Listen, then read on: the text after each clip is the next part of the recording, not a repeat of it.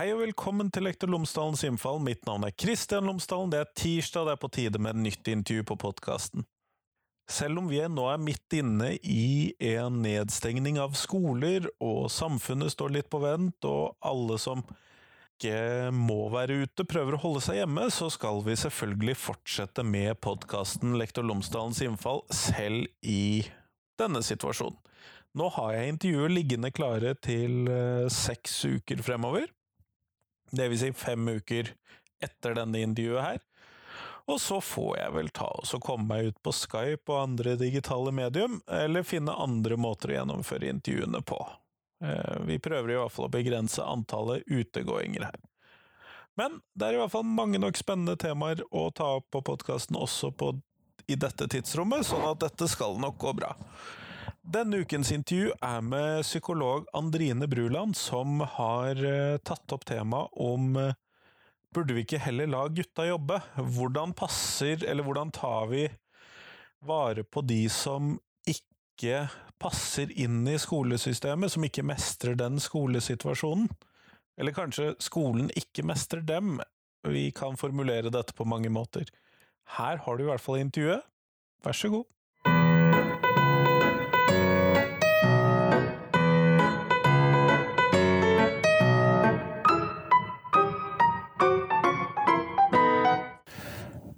Andrine Bruland, tusen takk for at du har tatt tid til meg i dag. Takk for at jeg får komme. Før vi starter selve intervjuet, kunne du ha fortalt lytterne mine tre ting om deg selv, sånn at de kan bli litt bedre kjent med deg før vi starter. Ja, jeg er psykolog. Jeg drømmer om å bli forfatter. Jeg bor med to gutter på syv og tolv, som jeg er mamma til, og to katter som jeg ikke har født selv, men Det satser vi på.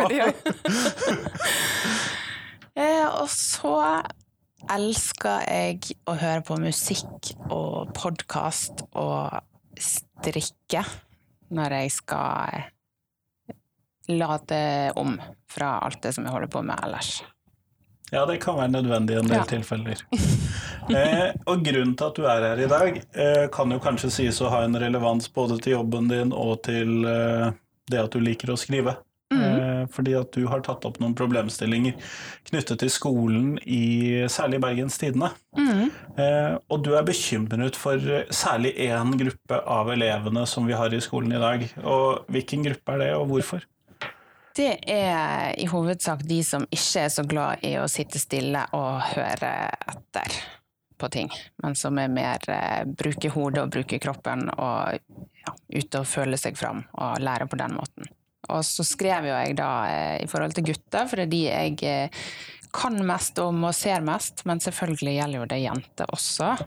De jentene som har det sånn. Men du brukte da særlig eksempelet Jeg tror det var gutt 14 du trakk fram eh, ja. veldig mye nå sist. Mm -hmm. og hvorfor er det du er bekymret for eh, da særlig gutt 14, men tydeligvis også jente 14? Nei, vi ser jo at de faller veldig utenfor. Eh, det er de som blir absolutt mest henvist til oss i MST. Det er jo da et tiltak for familier. Hjemmebasert tiltak der det er ungdom som eh, ruser seg, kanskje faller litt ut av skolen, eh, ute om natten, eh, begynner å falle litt sånn på feil sti. Eh, og så jobber vi da med hele familien og med hele systemet rundt, fordi vi tenker at det er ikke bare ungdommen sin feil at det blir sånn, men at det er mye annet galt rundt det også. Um, det er en opplevelse jeg deler med de ut ifra min begrensede erfaring. Ja, Sånn, den tanken at det kan ha noe for seg? Ja.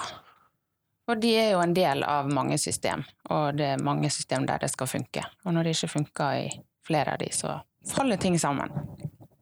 Og så ser vi da spesielt at uh, i de tilfellene der vi klarer å jobbe med mange av systemene, vi uh, jobber med motiverte foreldre som prøver så godt de kan hjemmefra, og søsken og trenere og alt mulig, um, og så står vi ofte igjen med skolen og praksisplass. Så det er litt sånn eh, todelt hjertesukk fra min side. Både at eh, skolesystemet fungerer ikke i dag for alle. Og når det først ikke fungerer, så har vi heller ikke så mye alternativ i form av jobb for de som er under 18. Ja, fordi at du trakk fram verkstedet som en uh, viktig arena for uh, disse, eller potensielt kunne vært en viktig arena. Hvorfor det?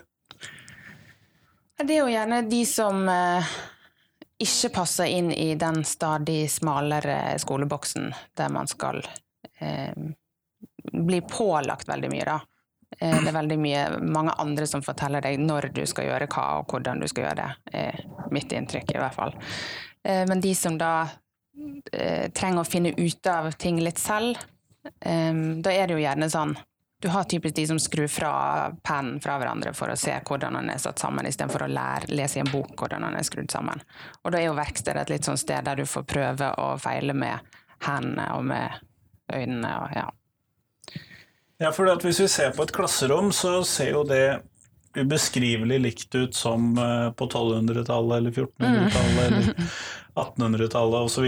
Ja. Uten at man da hadde alle disse elevene i det rommet. Da hadde mm. du jo bare de enten fra feil De fra riktige familier eller de som ble plukket ut å være der, og ikke så veldig mange andre. Mm. Eh, så i klasserommet i dag så skal vi jo da få alle disse den totale elevmassen til å klare å sitte der, og de skal ta imot det som jeg i hvert fall selv oppfatter som er for det meste teoretisk mm. kunnskap. Ja. Er det, det, er kanskje det du peker på? Ja, det er jo litt sånn som du sier, tilbake i tid. Sant? Hvordan var det på 1800-tallet eller tidlig 1900-tallet, eller Nå er jeg ikke så god i historie, men, men da kunne det jo liksom de som trakk mot bøker og eh, selvutvikling og dette, eh, kom inn i klasserommene og ønsket det, mens de andre var sånn nei, han sender vi på sjøen, og han trakk mot smia, og han eh, reparerer taket, og da trakk man litt mer mot det som man eh, kjente for. Mens nå skal alle inn i den samme boksen. Og det er ikke bare barneskole og ungdomsskole, men du skal jo helst minst ta videregående, og så skal du gjerne på universitet, og det blir jo bare mer og mer teori hele veien, før de får egentlig prøvd seg praksis, praktisk.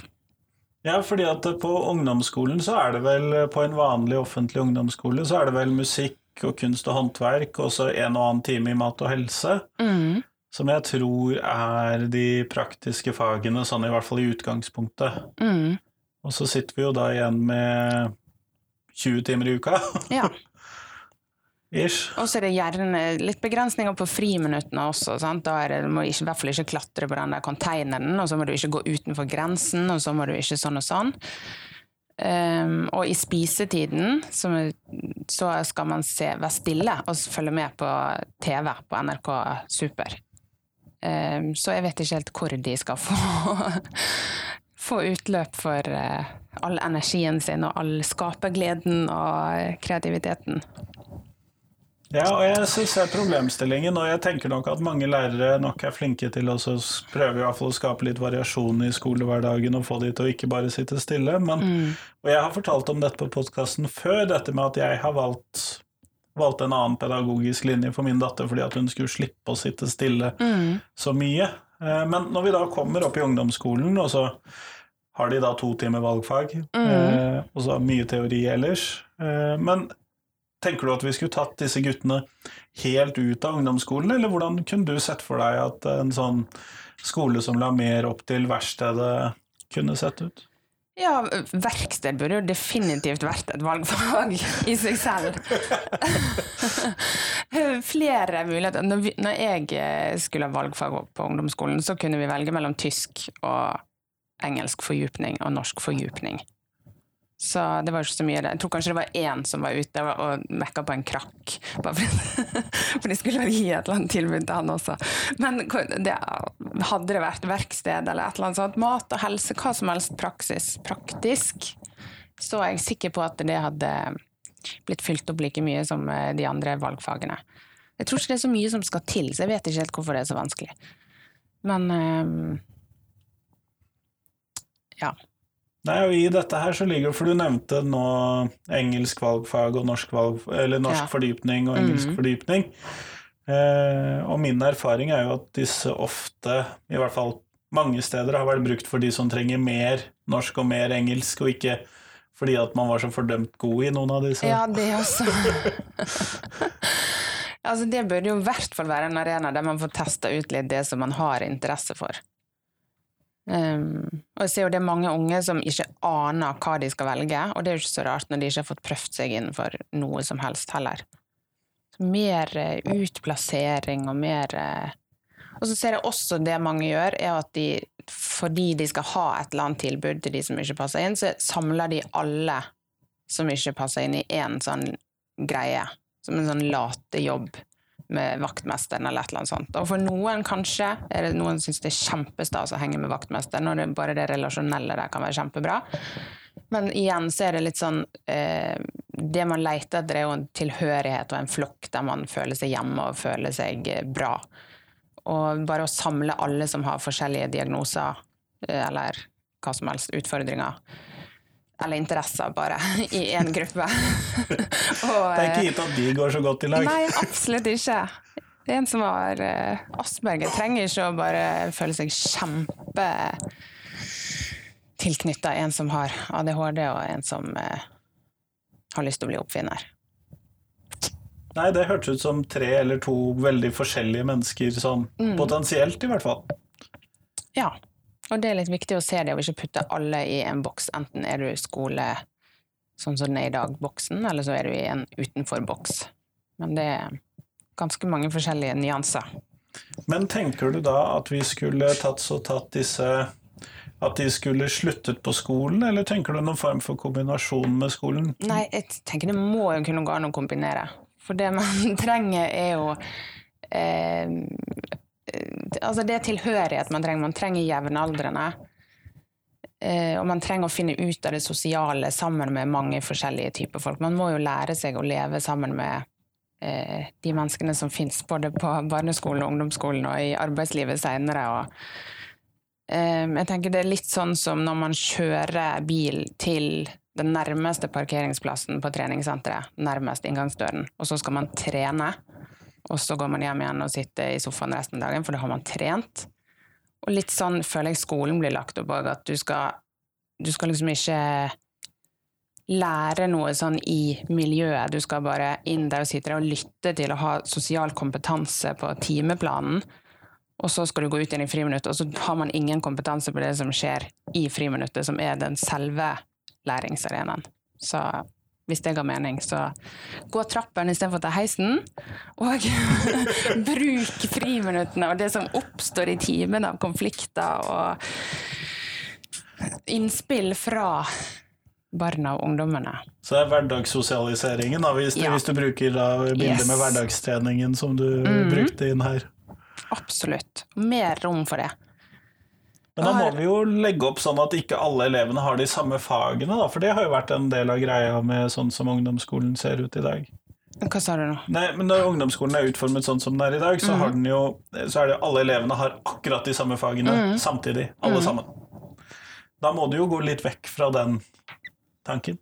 Ja, og jeg fulgte jo med på han her Håvard Sjora, er det det han heter? Ja. Jeg. Eh, ja, noe sånt. Han hadde jo i hvert fall noen bøker og noen program for en stund siden som jeg ble veldig fan av, som bare handler om å dele de opp etter interesse og læremåte. Det trenger jo ikke være mer enn eh, tre grupper, det heller, liksom. Bare her bruker vi hendene, og her bruker vi ørene, og her bruker vi øynene, eller ja, noe sånt i den dør. Så lite grann mer sånn Litt nivådeling, litt interessedeling, mm. litt uh, forskjellige måter å dele det opp, sånn at man kan få vært en del av skolehverdagen? Ja, i hvert fall interessedeling. Um, jeg vet ikke om det trenger å være så mye i forhold til nivå, for man har jo Hvis man blir møtt på riktig måte, så gjør det jo ingenting å se at noen er bedre i dette, og noen er bedre enn meg i dette, og så er jeg best i dette. Det er litt sånn klisjé, men du har den her eh, som henger på alle lærerrom. Don't uh, judge a fish by its ability to climb. Nei, det håper jeg vi unngår. jeg syns det er litt sånn i mange skoler. Jeg hørte på de som var i episoden uh, for ikke så lenge siden her nå i podkasten din. Så um, uh, sa hun akkurat det med eksamen. Jeg tror det var en av de som sa det. Mm. Med at det er liksom det ultimate bevis på at alle skal inn i samme boks. og ja, for eksamen er jo ikke ulik ut ifra hvilke fag du har interesse i, eller hvilke fag du er god i, for den saks skyld, eller Nei. Den er lik. Skal passe for den som har angst for å tale i store forsamlinger, og dyslektikeren og Ja, ikke sant? Men når du da ser for deg en skolehverdag som eh, eh, På en skole som da har tatt mer verksted inn, tenker du da at verkstedet skal være på skolen, eller tenker du at verkstedet verksted er noe man drar til fra skolen, type ting, eller hvordan ville du hatt det? Hva mener du det Nei, verste? Hvis du skulle hatt et verksted som en del Å, ja, av skolen, verksted, ja. Ja. ja. eh, hvordan tenker du at det skulle, skulle det vært et sted man dro til, eller skulle det vært en del av skolen, eller hvordan tenker du? Jeg ville hatt det som en del av skolen. Så kunne man da hatt muligheten til å stikke innom der og få skrudd litt og komme tilbake. Ja. Ja, kanskje, Det har ikke jeg tenkt så mye igjennom. Jeg skjønner jo at det, det er jo andre igjen som trenger ro, og som trenger struktur, så man må løse det på en eller annen måte der eh, som funker for alle. Det er ikke sånn at det bare skal tilpasses de som er arme og bein heller, altså. Men eh, å hatt det som en del og lagt inn eh, sånn Hvis man vet at det er en ungdom som har et spenn på 30 minutter, at de da eh, gjør det praktiske etter en økt på 30 minutter, eller ja. Et, Mm. Nei, jeg oppfattet det ikke som at alle skulle innom verkstedet, det gjorde jeg ikke. Eh, eller at alle skal få lov å løpe løpsk inn i klasserommet. Det er ikke det jeg mener heller. nei, og kanskje det også gi litt mer praktisk undervisning til en del av disse vil kunne gjøre klasserommet roligere for alle de som trives med å sitte stille. Yes. For det For det tror kan jo ofte være en sentralt. utfordring. For det er jo det hvis du eh, skal sitte i ro i den timen, og så skal du få begrensninger på hva du skal gjøre i friminuttet ute, og så skal du inn igjen og eh, Altså, nå har jeg hatt Martemeo-utdanning, og der er man jo opptatt av barnets initiativ. Eh, og man øver veldig på det med foreldre, sant? at ikke bare alle initiativ skal komme fra foreldrene, men at barnet også skal, eller foreldrene skal øve seg på å se barnets initiativ, og hva de kommer med, og hva de har lyst til å foreslå å drive med. Og jeg tenker mye av det kunne vi brukt i mye større grad i skolen. Eh, at det må være rom for Barn er jo utrolig kreative og impulsive, og at de plutselig kan komme med sånn reven eh, Det fins ingen blå rever midt i en eh, historieforelesning. og da syns jeg det er litt spennende. Liksom, ok, Hvor kom den assosiasjonen fra? Så kan det ligge ganske mye kunnskap og interessant der. Selv om det ikke var akkurat det som sto på eh, agendaen til læreren.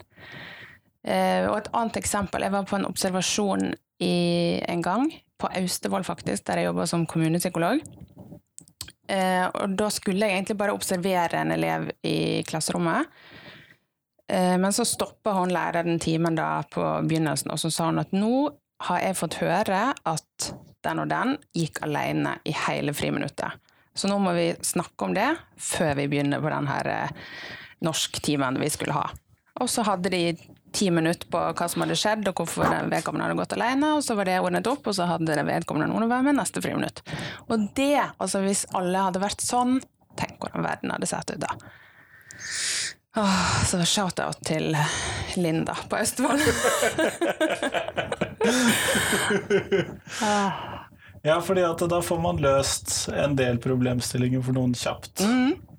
Og man lærer så utrolig mye av den konflikthåndteringen og den, det fellesskapet at her på vår skole skal ikke noen gå eh, alene i friminuttene, og det er faktisk mye viktigere enn det vi skulle ha i norsk i dag. Og så er legger de det dødt, og så kan de konsentrere seg om det de skulle lære den timen. Eh, Men når For jeg syns at dette med struktur og skolestruktur og det fagtilbudet og sånn er en veldig viktig side av det du peker på i eh, Bergens Tidende. Fordi at eh, alle elevene skal jo som sagt ha alle disse fagene. Tenker du at det er et poeng og at de fortsetter med?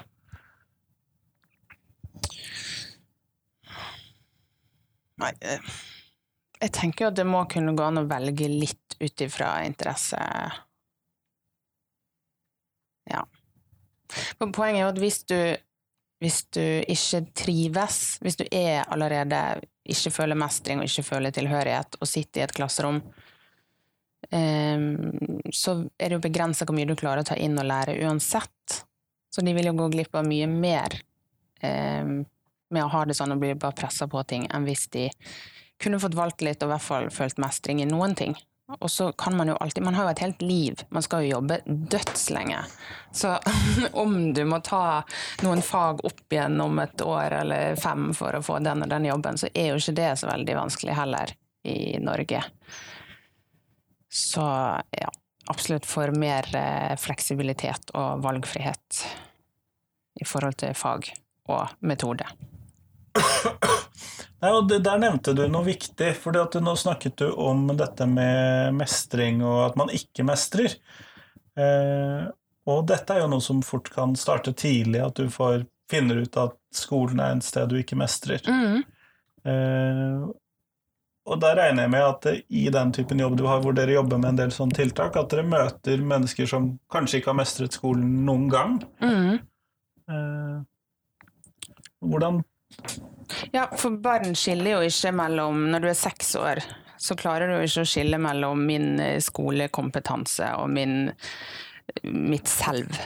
Eh, så hvis du blir fortalt da at du er du gjør feil, og du gjør feil, og du er irriterende, og du gjør sånn og sånn, og vi må sende melding med hjem, for dette er ikke sånn som vi vil ha det, så tar jo de det på seg selv, og det setter seg i deres selvbilde. Eh, så det er jo utrolig, utrolig viktig. Det viktigste vi kan gjøre for eh, de som begynner på skolen, er å fortelle dem at de kan få til noe, og er viktige, og en del av flokken. Skape mestringsopplevelser og mm. skape læringsøyeblikk og så videre. Ja. Uh, og dette høres jo ut som Det er litt floskelord, ord, det syns Mm. jeg selv. uh, sånn jeg mestringsopplevelser, det, det er et floskelord. Ja. Men, og jeg regner med at dette er en viktig del av det arbeidet som når dere kommer inn på et senere nivå, at det blir en veldig viktig del av det arbeidet. Mm. Og da er det jo selvfølgelig mye, mye vanskeligere eh, når du får en 14-åring som har blitt fortalt i syv år at han er et avvik, og prøver å snu det og prøver å gi han mestringsopplevelser. Og som ikke det er vanskelig nok i seg selv, så er det jo veldig vanskelig å få tak i steder der de kan eh, oppleve det. Eh, for det er så få som tar inn eh, uten fagbrev og uten at de har fylt 18. Og så det er jo eh, ja, en veldig stor utfordring som vi ser. At eh, Ja, rett og slett det å skaffe arbeidsplasser, Mm. sånn reelle arbeidsplasser, eh, en dag eller fem i uken, litt avhengig av hva mm. behovet er, da. Ja. Og så vil de jo som regel ha lønn, så det hender jo ofte at man klarer å få til et eller annet, men da ubetalt. Og det skjønner jeg jo at du Det er mindre motiverende å klare å stå opp og snu en døgnrytme og slutte med rus og alt for å gå opp til en jobb som du ikke får betalt for, enn om du faktisk får litt lønn for arbeidet. For det handler om å føle seg som en vanlig vanlig person i livet som gjør sånn som alle andre gjør. Jeg kan jo forstå at bedriften er skeptisk til å betale, for at jeg hører jo dette blir en utfordring, i hvert fall et stykke på veien. Mm. Det kan eh, Det kan jo bli det, og jeg tenker man bør jo gjerne ha noen å spille på, en støtte i form av eh, lærer eller sånn som oss i MST, eller at man har en eller annen Veileder, ja. eller ja. til å rådføre seg med, og hva gjør vi hvis han ikke møter opp når han skal, og i hvert fall en periode. Noen som kan følge opp litt og veilede på, på hvordan de skal møte de. Men eh, ja, for nå tenker du på for bedriften, ja, ikke for eh, ungdommen. ja. Ja. Ja, eller begge deler, for så vidt. Men ja. det at bedriftene er skeptiske, det skjønner jo jeg òg, hvis de skal betale, og så får de noen som ikke møter opp og ikke gjør det de skal. Men for det første så tror jeg at de blir ganske undervurdert, for selv om de gjør mye dumt når de ikke har noe å drive med, så er det veldig mange som har med seg god arbeidsmoral og et ønske om å bidra, og at det løser seg veldig av seg selv når de først får bli vist den tilliten. Det har bare ikke funket i skolesettingen. Nei, nettopp.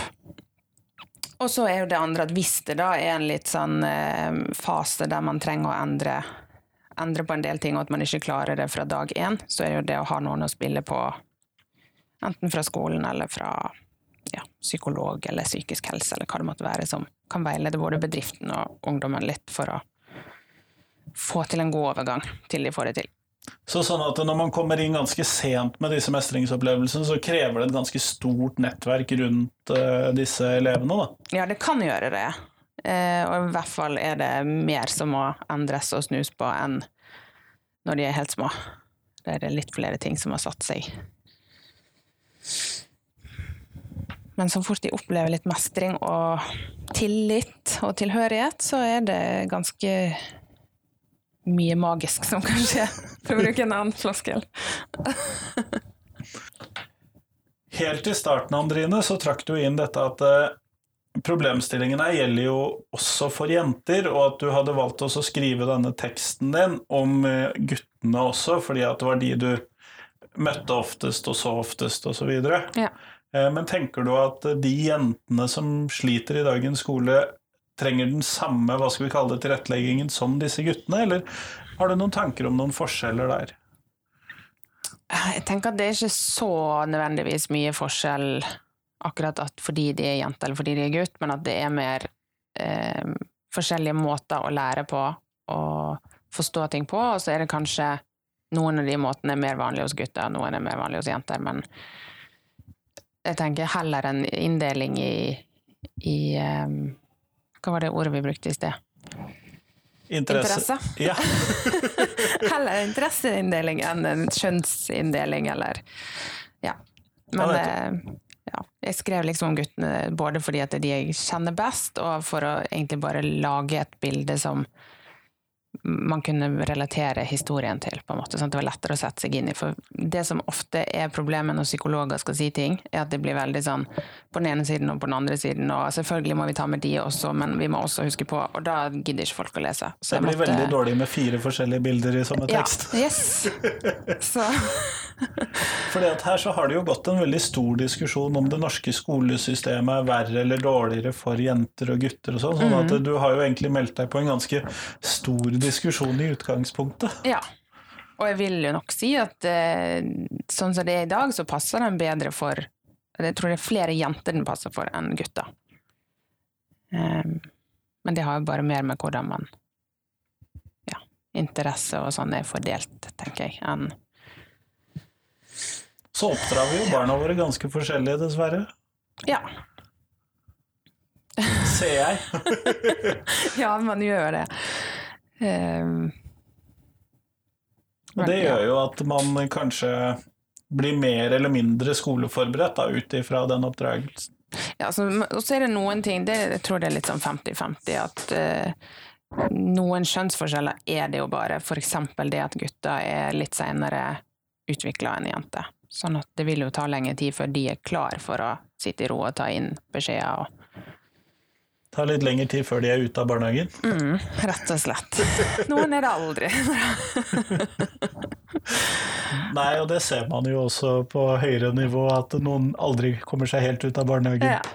Så trenger ikke det nødvendigvis å være en dårlig ting alltid heller. Nei, og, men, og der er jeg enig i at eh, skolesystemet er lite tilpasset den typen forskjeller. Mm. Eh, med veldig like fag og med veldig lite praktiske fag. Mm. Men hvis du skulle velge noe, og det vil gå mot slutten av podkasten, og vi skal runde av med det samme spørsmålet som vi alltid runder av med, eh, hva skal ut av skolen hvis du fikk bestemme? Og hvorfor, gjerne? Ja, det er egentlig veldig mye. Jeg vet ikke hvor lang, hvor lang tid du har. Men eh, eh, lekser bør ikke være obligatorisk, og en sånn eh, ja, obligatorisk kilde til konflikt hjemme når de har vært en lang, vanskelig dag på skolen. Ja, kanskje nettopp for disse guttene, gutt 14 som vi har snakket om. Ja, så de bør i det minste være mer tilpasset til interesse og måte å lære på. Eh, og kanskje skal man droppe det helt. Eh, og så er det folk som ikke er spesielt glad i barn. og så er det folk som tenker at de kan alt og ikke trenger å lære noe nytt. Hvis, hvis vi får, ut- får orden på de tre tingene, så kommer vi et stykke. Ja, jeg må innrømme at man lærer utrolig mye av å være lærer. Ja, og hvis man er åpen for det, så kan man ordne det meste. Åpen for å lære. Kjempeflott, men tusen takk, Andrine. Takk for at du kom. Takk for at jeg fikk komme.